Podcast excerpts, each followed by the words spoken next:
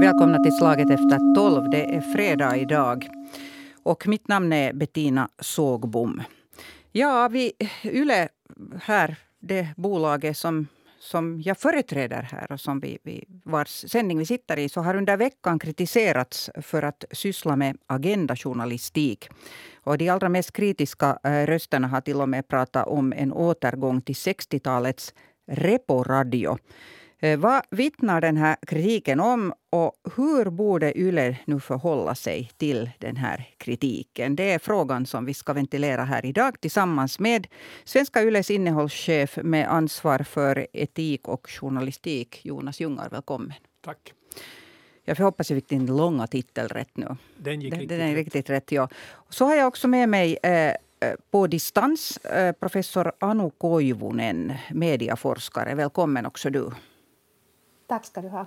Och i riksdagen så har, eh, har vi fått, får vi sällskap av Atte Kaleva, också han på distans, alltså riksdagsledamoten för Samlingspartiet. Välkommen med Atte Kaleva. Tack Bettina. Jag tänkte börja med dig Atte Kaleva för att, att du, har, du har gjort ett sånt här skriftligt eh, spörsmål eh, om just YLE. Och det där eh, var det nu här förra veckans torsdag eller fredag eh, om jag inte kommer helt fel ihåg. Eh, du är bekymrad över eh, YLE. Eh, kan du sammanfatta vad det är som bekymrar dig? No, jo, först och främst så måste jag nog säga att det, det är ganska märkvärdigt att, att det, det är bara svenska YLE som har tagit upp det här eh, och inte, inte det liksom finska YLE. Så, men, men det som jag är oroad över är det att det, det här, som du sa, det här agendajournalismen och, och den finns en sån där, eller jag, jag märker en sån tendens där att det är inte fråga nu om enskilda eh, jotton eller enskilda artiklar eller, eller någonting, men, men det, det finns en sån här tendens att man får kritisera eh, det historiska, som, som, eh, alltså det här reporadios tid och det här liksom finlandiseringstid. Men eh, det, det är nog mycket sällan, eller, eller knappast aldrig, att man, man liksom märker att det skulle finnas någon slags kritik mot det här woke-ideologin eller cancelkultur eller, eller de här som, som eh, tankesätten som eh, importerats av eh, USA, så som det här socialistiska eller, eller taistoistiska tankesättet som importerades av, från, från Sovjetunionen, då den tiden, 60 och 70-talet. Så nu, är, nu har det liksom förvandlas förvandlats över till, till det här, de här jättetokiga tokiga ideologier som kommer från akademiska världen i USA. Och de kritiseras aldrig och sen, sen finns det en massa såna gäster och, och journalister och, och reporter som, som liksom propagerar det här woke-ideologin. Det är ganska öppet. Och sen när, när det finns någon som till exempel det här Joakim Vigelius från eh, Tammerfors som, som visar det att det finns en sådan liksom tyngden är, eh, är, eh, på det, på, det, var, det handlade om, om Elokapina demonstration och sen det här konvoj demonstrationen där som, som eh, båda två försökte eh, slå, slå eller, eller liksom stänga av eh, trafiken på, på eh, Mannerheimvägen. Så då finns, fanns det på, på det här Jälkivisa program så, så eh, attityden mot de här två demonstrationerna var helt annorlunda fastän de, var, de betedde sig ganska lika. Så, så där, sen, sen försökte Yle liksom eh, cancella det, det här eller, eller liksom eh, censur, vad det, censurera, cens- göra censurskip för, för det här för Hans Vigelius eh, det här klippen, att det skulle måste tas bort från, från webben. Och det, det var nog ganska, ganska liksom, jag tänkte att det var ganska oroväckande. Jag måste här nu förklara för folk, eftersom alla säkert inte har följt med den här debatten. Så alltså, den här Joakim Vigelius är en eh, sann finländsk eh, fullmäktige ledamot i, i Tammerfors. Och han la alltså ut klipp eh, som han klippte ihop. Två stycken. Samma panel diskuterar först Elokapina, den här protesten, och sen diskuterar de den här Konvoj Finland-protesten. Och I den första så säger man till exempel att säger en paneldeltagare där att, att ja, att inte har hon någonting emot att det sitter hippin på gatan, att det är helt liksom okej att protestera så här. Och sen när det gällde konvoj så då var, var det, det är absolut inte acceptabelt att man protesterar på det här sättet. Så bara för att nu förklara för folk som kanske inte har följt med den här. Och det har då väckt en massa diskussion. En av de sakerna som har väckt mycket diskussion. Eh, Om jag får tillägga Bettina, så, så är det ju, problemet är ju inte det att, att eh, Anna Perho eller det här Marianne Abdulkarim deras åsikter. De får ju, ju säga som de vill och, och, der, och liksom komma upp, ut med, med, sina uttalanden så som de vill. Men sen när Yle, Yle liksom, Yles reaktion för det här Vigelius uh, klipp, så det var någonting som jag, jag tänkte att det var, det, det var ganska, ganska liksom, det tycker jag är ganska oerhört att, att man försöker liksom censura det här, sånt kritik. Alltså, man ville få bort det här klippet helt enkelt, men, men det fanns då en massa sådana orsaker det, det till det som, som jag inte kan personligen ta, ta ställning till. Men, men det där, om vi kastar bollen över här emellan nu till, till Jonas Jungar. Eh, du hörde det här som, som eh, riksdagsledamot Atte Kaleva här sa. Eh, det här är ju en, ett påstående som du konfronteras med ofta. Att, att ehm, det är agendajournalistik. Och du har skrivit många också kolumner om det här på vår webb. Va, va, hur reagerar du? Hur svarar du på det här? No, för det första, det här skriftliga spörsmålet som Atte Kaleva har, har mm. lämnat in, alltså jag delar förstås hans, hans på säga, engagemang kring Yles roll och mm.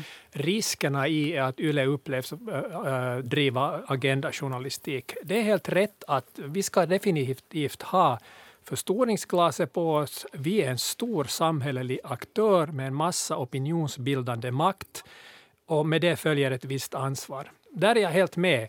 Eh, jag själv har försökt driva en sån här liksom ganska öppen eh, mediekritisk diskussion, både via de här kolumnerna som jag har skrivit, men också i otaliga mejl och telefonsamtal med publiken och försökt resonera kring hur vi tänker kring vår egen journalistik. Och jag, jag understryker här att jag förstås talar här för Svenska Yles del. Mm. Eh, men sen har jag nog väldigt svårt ändå att se den här på något sätt den här systematiserade agendan som Atte Kaleva tycker sig kunna se. Alltså kom ihåg att, att YLE omfattar liksom fyra tv-kanaler, sex radiokanaler, en massa webbinnehåll, ett, över 20 regionalredaktioner. Vi gör innehåll på ett tiotal olika språk.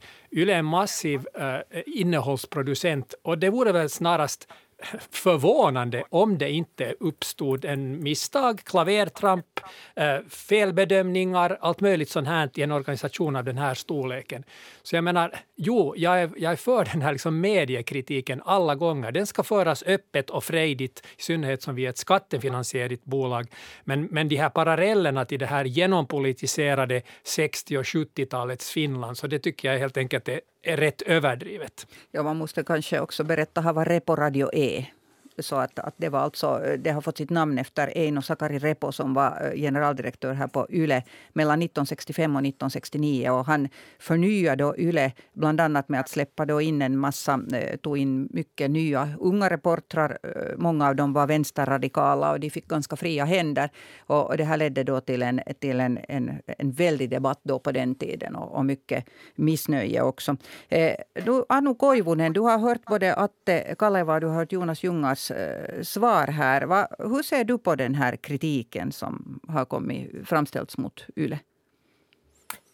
Uh, tack. Jag alltså, eh, tycker att vi har en debatt som har pågått väldigt länge. Alltså ibland uh, diskuteras Yle lite mindre, ibland lite mer, men att i grunden är det ju de här samma diskussioner har pågått uh, ja, Äh, alltid gällande YLE kan man väl säga. Så det har äh, YLE, eftersom YLE är numera skattefinansierad och, och, och, och tidigare tidigare finansierades med, med, med tv radiolicenser så det uppfattas som någonting som angår oss alla och därför alla politiska passioner som finns i samhället reflekteras också på YLE.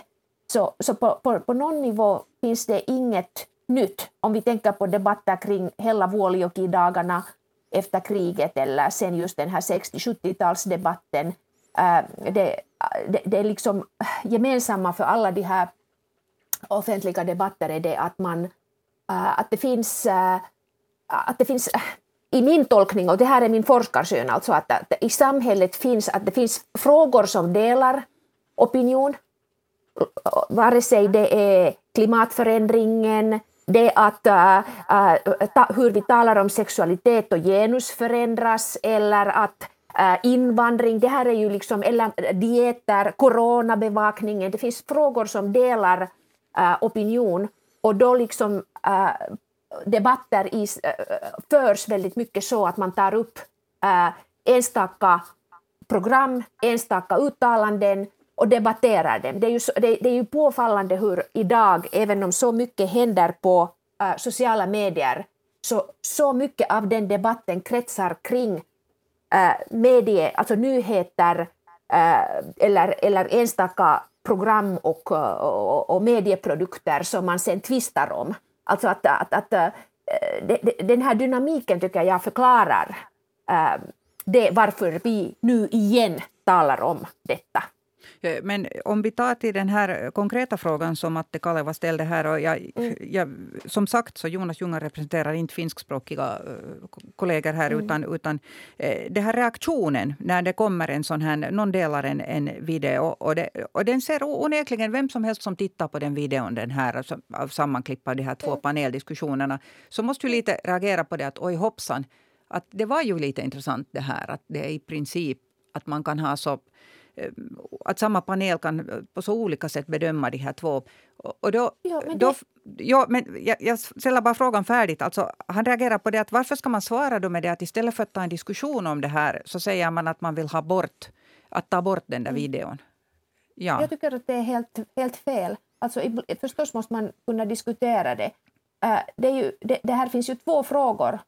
Dels de här panelisterna som är ju som är ju liksom opinionsbildare, tyckare, gäster i program. Och så vitt, om, jag, om jag nu inte missminner mig så har Marianne Abdulkarim konstaterat att, att uh, jag visste, jag tänkte liksom, jag, jag talade helt i kors, uh, öppet, alltså omfamna den här mm. kritiken.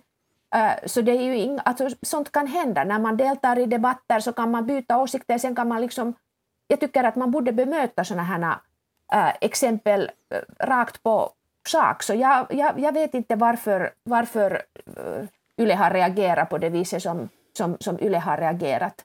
Eh, så, så jag tycker att det finns... Men det att man liksom sen tar steget till det att påstå att det här är någon systematik, det, där, som forskare, det, det, det, kan jag ta upp senare, men där ser jag for, som forskare, det, det, jag ser inget belägg för det. Eh, Jonas Ljunga, vill, vill du svara på det här, på det här sättet att svara? No, för det första, det här klippet i fråga, om jag inte har mm. Eh, missförstått det hela så handlar det alltså om upphovsrättsliga frågor. Jag menar, det finns faktiskt ingenting märkvärdigt att vi, att vi ber folk ta ner klipp där folk har klimmat och klistrat ihop olika, olika in, YLE-innehåll. Men det är klart att den som vill se en agenda så vill se den. Och, och med det vill jag säga det att, att att min upplevelse, och jag, jag, vågar ändå påstå att jag har en ganska bra uppfattning, jag har fört den här publikdialogen med, med de som är kritiska gentemot YLE i många år, därför att det ingår i den, mm. min nuvarande yrkesroll uh, här på Svenska YLE. Och det är det att de som allra högljuddast kritiserar YLE för agendajournalistik, de har samtidigt en väldigt klar uppfattning om vad vi istället borde fokusera på. Alltså i klartext, jag hävdar att de kanske nu inte i första hand är måna om en neutral och objektiv nyhetsbevakning, utan de har också en, en, så att säga, en agenda i det, i det de vill ha sagt. Och jag tror det är bara viktigt att framhålla här att liksom, journalistik, och nu talar jag inte bara om YLE, utan journalistik överhuvudtaget, det är ju alltså inte i första hand någon slags ideologisk rättvisefråga. Att aha, nu har vi hört den ideologin, då ska vi höra den andra ideologin också, någon slags och balansera upp det hela. Journalistikens främsta uppgift är att försöka komma så nära sanningen som möjligt. Jag vet att det här låter så där högtflygande och sanningen är ju också okej, okay, vems sanning och så vidare. Men det bör vara ambitionen för all seriös etablerad journalistik. Och då blir den här frågan om liksom, vet du, att ska du höra si och ska du höra så? Att okej, okay, vad är sant i den här frågan? Det är det som bör driva journalistiken. Nu, nu tänker jag ge ordet till Atte Kaleva som har hört, ja. hört både forskaren Anu Koivunen och Jonas Jungar som är Svenska Yles innehållschef. Eh, vad, vad tänker du nu om, om de här svaren du har fått? Men jo, det är ju bra svar och det, det, det är ju inte... De förvånar mig inte alls. Det som Jonas sa till exempel att det, att det finns ingen sån här eh, agendajournalism där, så, eh, så sa man ju också på, på 60 och 70-talet att, eh, att inte var det ju då den tiden heller att, att, eh, att det påståddes från YLE att, att jo, vi har det här liksom, liksom vänsterradikala konstateringar som, som driver fram här. Då, då sa man ju också att det, det är helt neutralt och, och det som jag tänker att, och det är inte heller svenska Yle som jag sa, som jag kritiserar nu och in, inte sportredaktionen eh, och inte Muistien Boulevardi på, på Yle 1.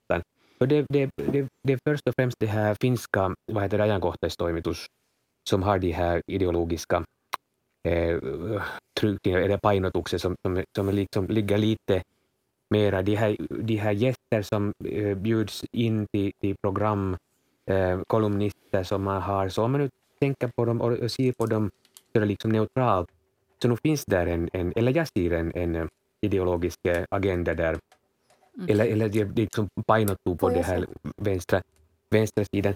Men det, det är någonting som, som, om vi tänker på att på vilket det skulle kanske, till exempel BBC, om vi tar nu BBC som, som exempel, om någon skulle säga någon, eh, någon MP från, från, eh, från England eller, eller vad heter det nu, UK, så skulle säga att, att, att jag ser en sån här liksom agenda-journalism där hos BBC, så vad skulle de säga? De, de skulle säkert säga att okej, okay, tack för att du, du kommer upp med sån här liksom kritik.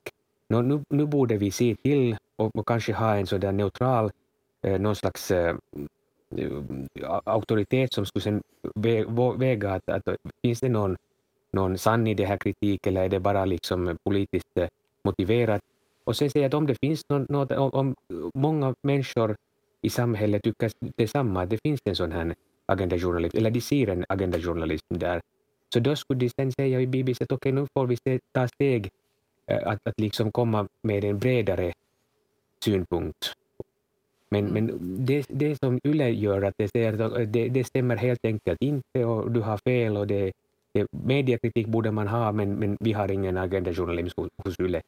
Så det är lite liksom, jag är ganska förvånad att det, att det reageras på det här sättet. Nu, nu vet jag att både Anu Koivunen och Jonas Junga vill svara, men Anu, Anu försökte komma in där tidigare, så du får börja. Varsågod.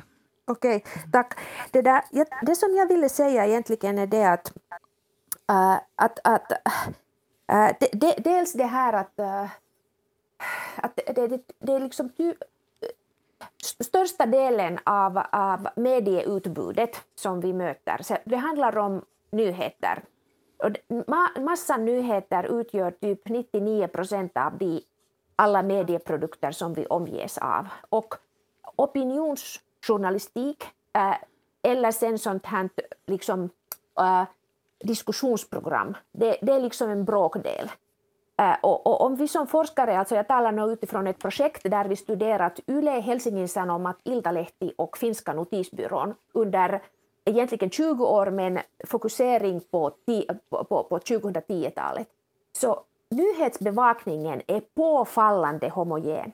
Och det liksom understryker, det liksom, som tidigare har äh, kallats att, att nordiska länder och de här länderna där det finns public service och professionell äh, kvalitetsjournalistik, så de präglas av något som kallas för demokratiskt korporatistiskt mediesystem.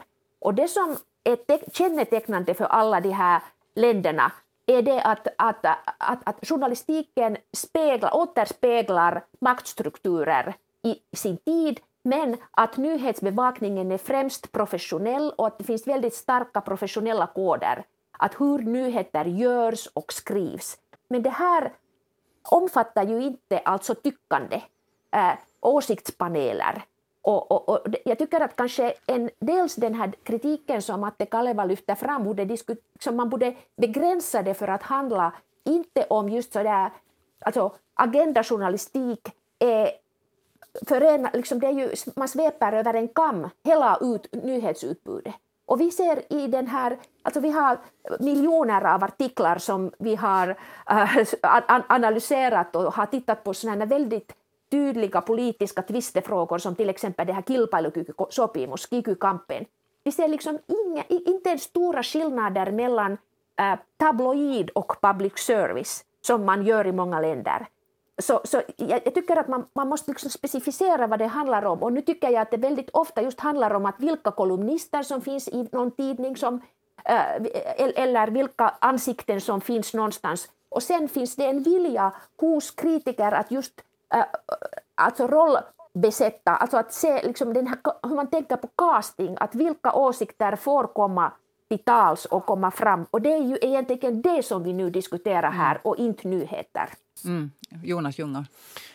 Ja, jag håller, no, jag håller med Anu här, därför att eh, det är klart att plockar man ut ett enskilt innehåll och så, så använder det som bevisföring, så det är klart att då kan du bevisa att YLE står för nästan precis vad som helst.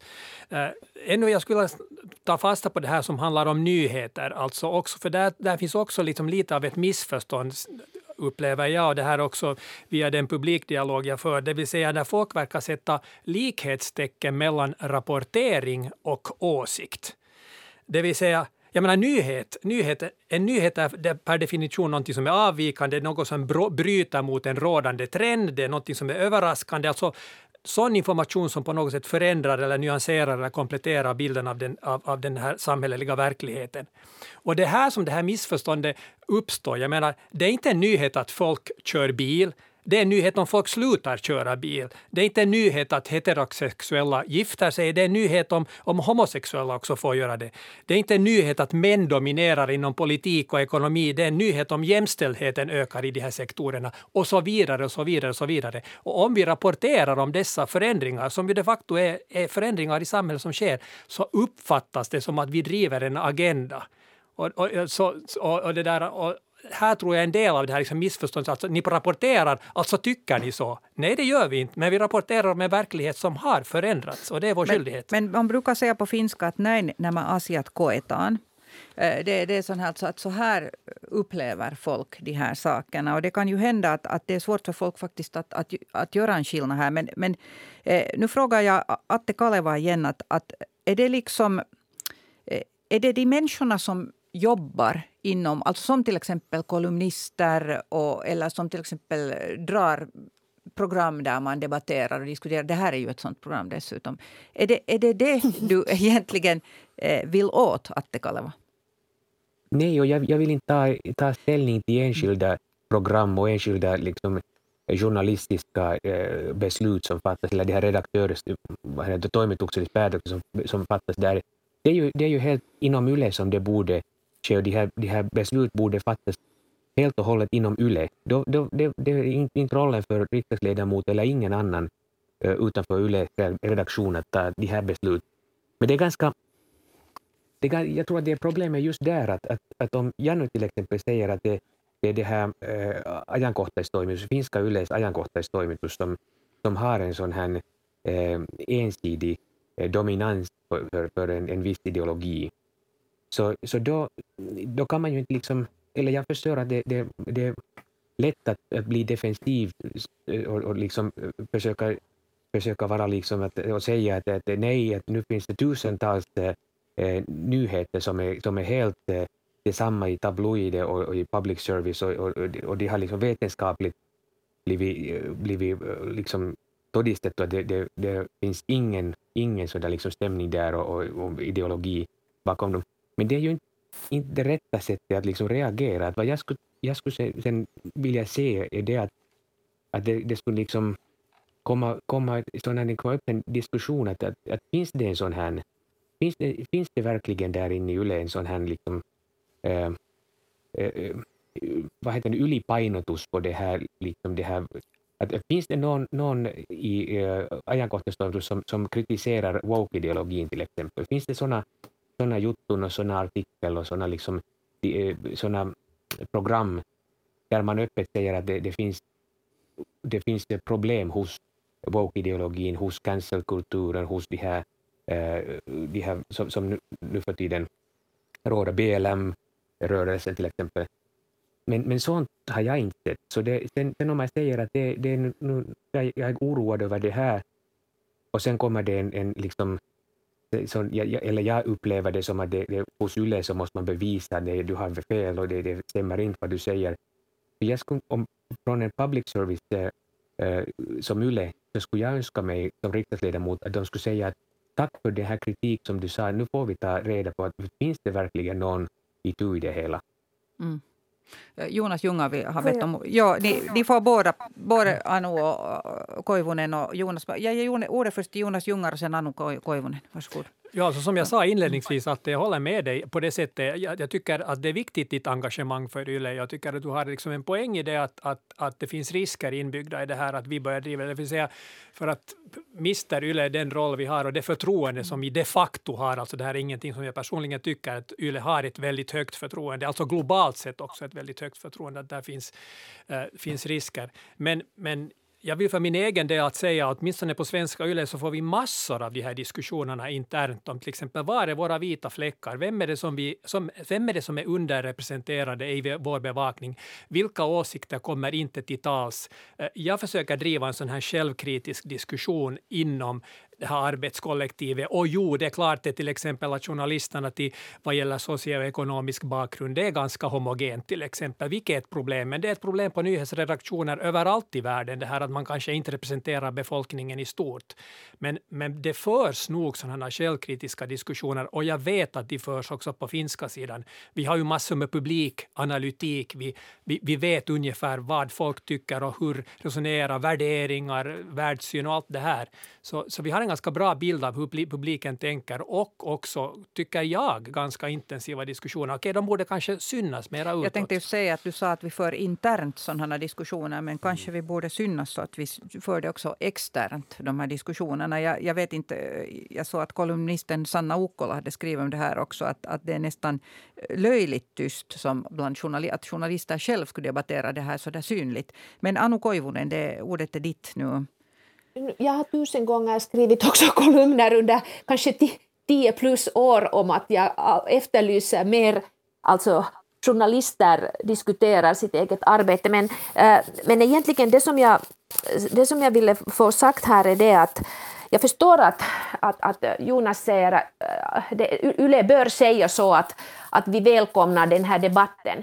Men som äh, forskare, och jag ändå liksom vill hävda att det finns någon idé med att mäta, analysera, systematiskt studera och inte bara diskutera utifrån enskilda människors, äh, vare sig de är liksom, ja, jag eller en riksdagsledamot egen uppfattning av medieutbudet. Så den här debatten om YLE pågår ju hela tiden. Alltså det finns ju en det, det, det, pågår hela tiden en offentlig debatt om YLE, det, har, det, finns knappast några veckor då det inte diskuteras någonting. Så, så det finns ju inte någon brist på debatt. Och det, medier överlag, alltså det är ju därför som också i mitt, mitt det forskningsprojekt som jag leder så har vi har försökt studera det här att hur kan vi förklara, vi, vi måste liksom testa vissa eh, påståenden om bias, alltså just agendajournalistik. Vi måste testa vissa påståenden för att se att okej, okay, är det här utifrån hur de här nyheterna kommer fram till mig med hurdana kommentarer, hur jag upplever, som jag drar slutsatsen att Hesari är si, Husis är så, Yle är så, Keskisuomalainen, alltså Iltalehti, Iltasanomat, att det nu lutar ditåt eller hitåt. Vi måste ju studera för att försöka få, förstå hur den här upplevelsen av att det finska mediefältet polariseras åsiktsmässigt, värderingsmässigt väldigt starkt. Varifrån kommer det då man, när man tittar på själva medieutbudet så finns det inga sådana tecken.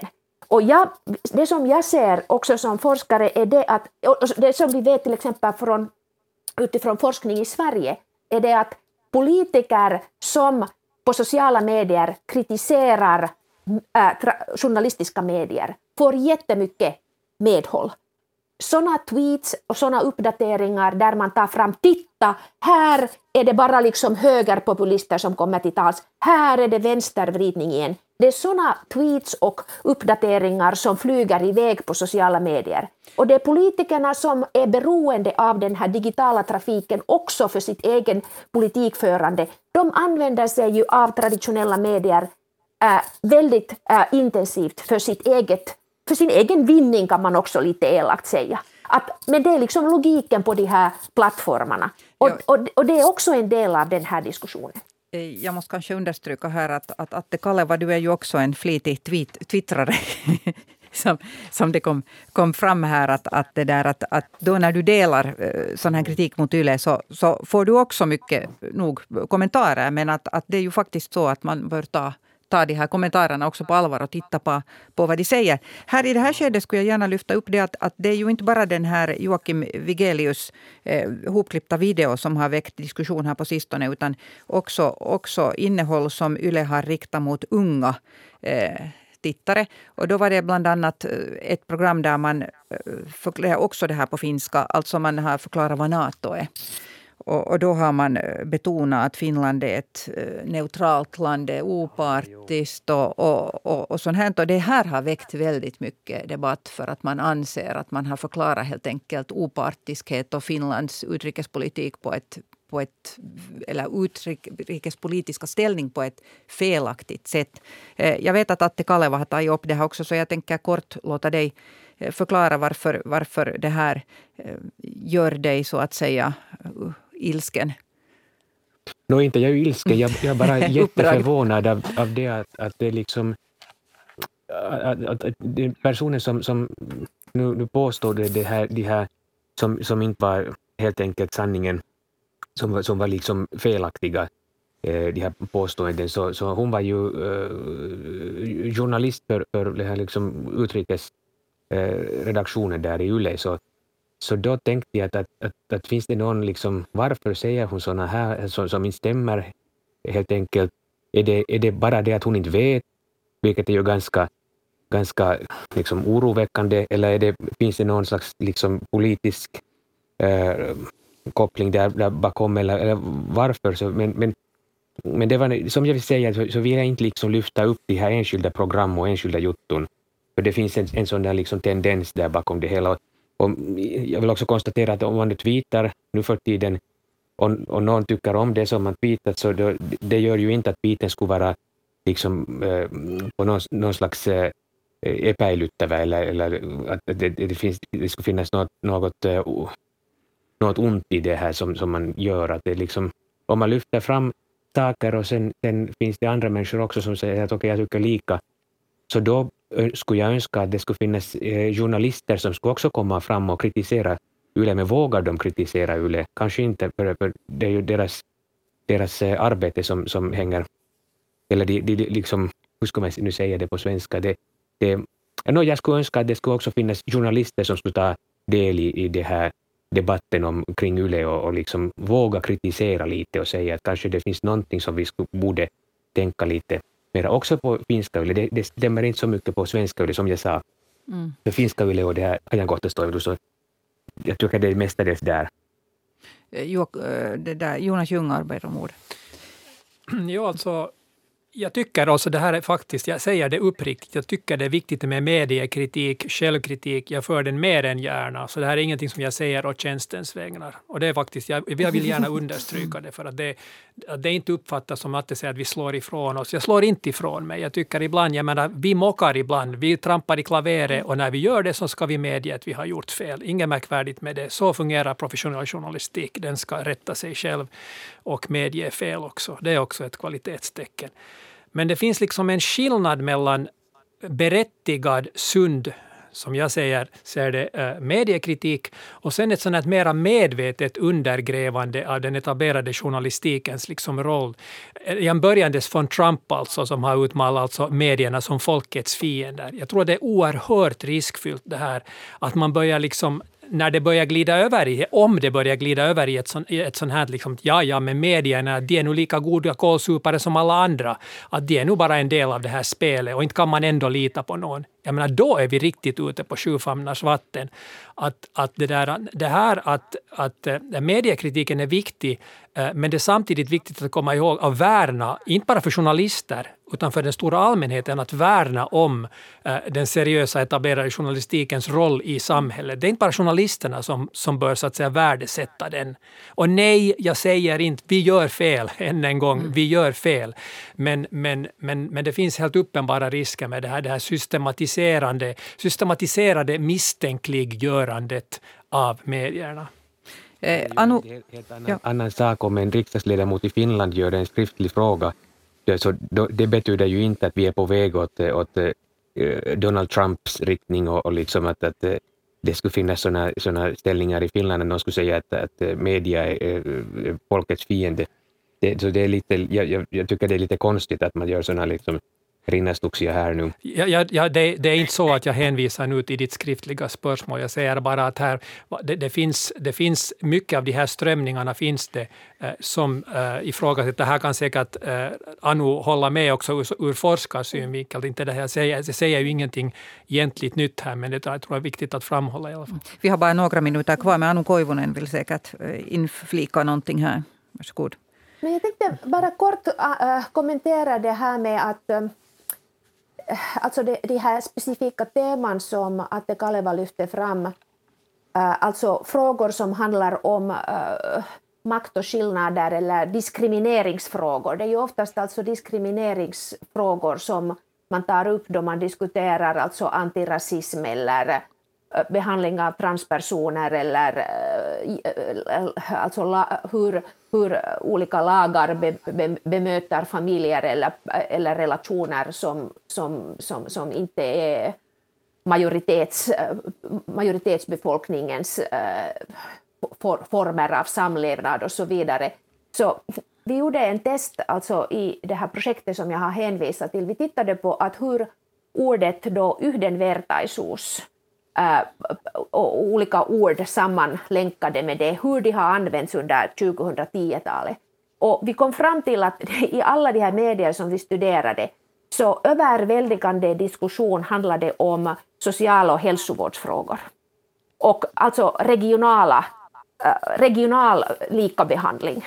Att, men det är ju helt samtidigt sant att inte hade vi diskussioner om äh, om, om könsneutralt äktenskap innan det liksom blev en lagstiftningsprocess. Så visst har det diskuterats sen och det har gjorts nyheter om det, men alltså i det här totala utbudet så är det bara en bråkdel jämfört med just alltså regionalpolitik och klasspolitik och ekonomisk politik. Så jag tycker att det handlar väldigt mycket om den här synligheten, att när det kommer nya teman, oj det har talats fem gånger om polyamori på, på, inom senaste halvåret, aldrig tidigare.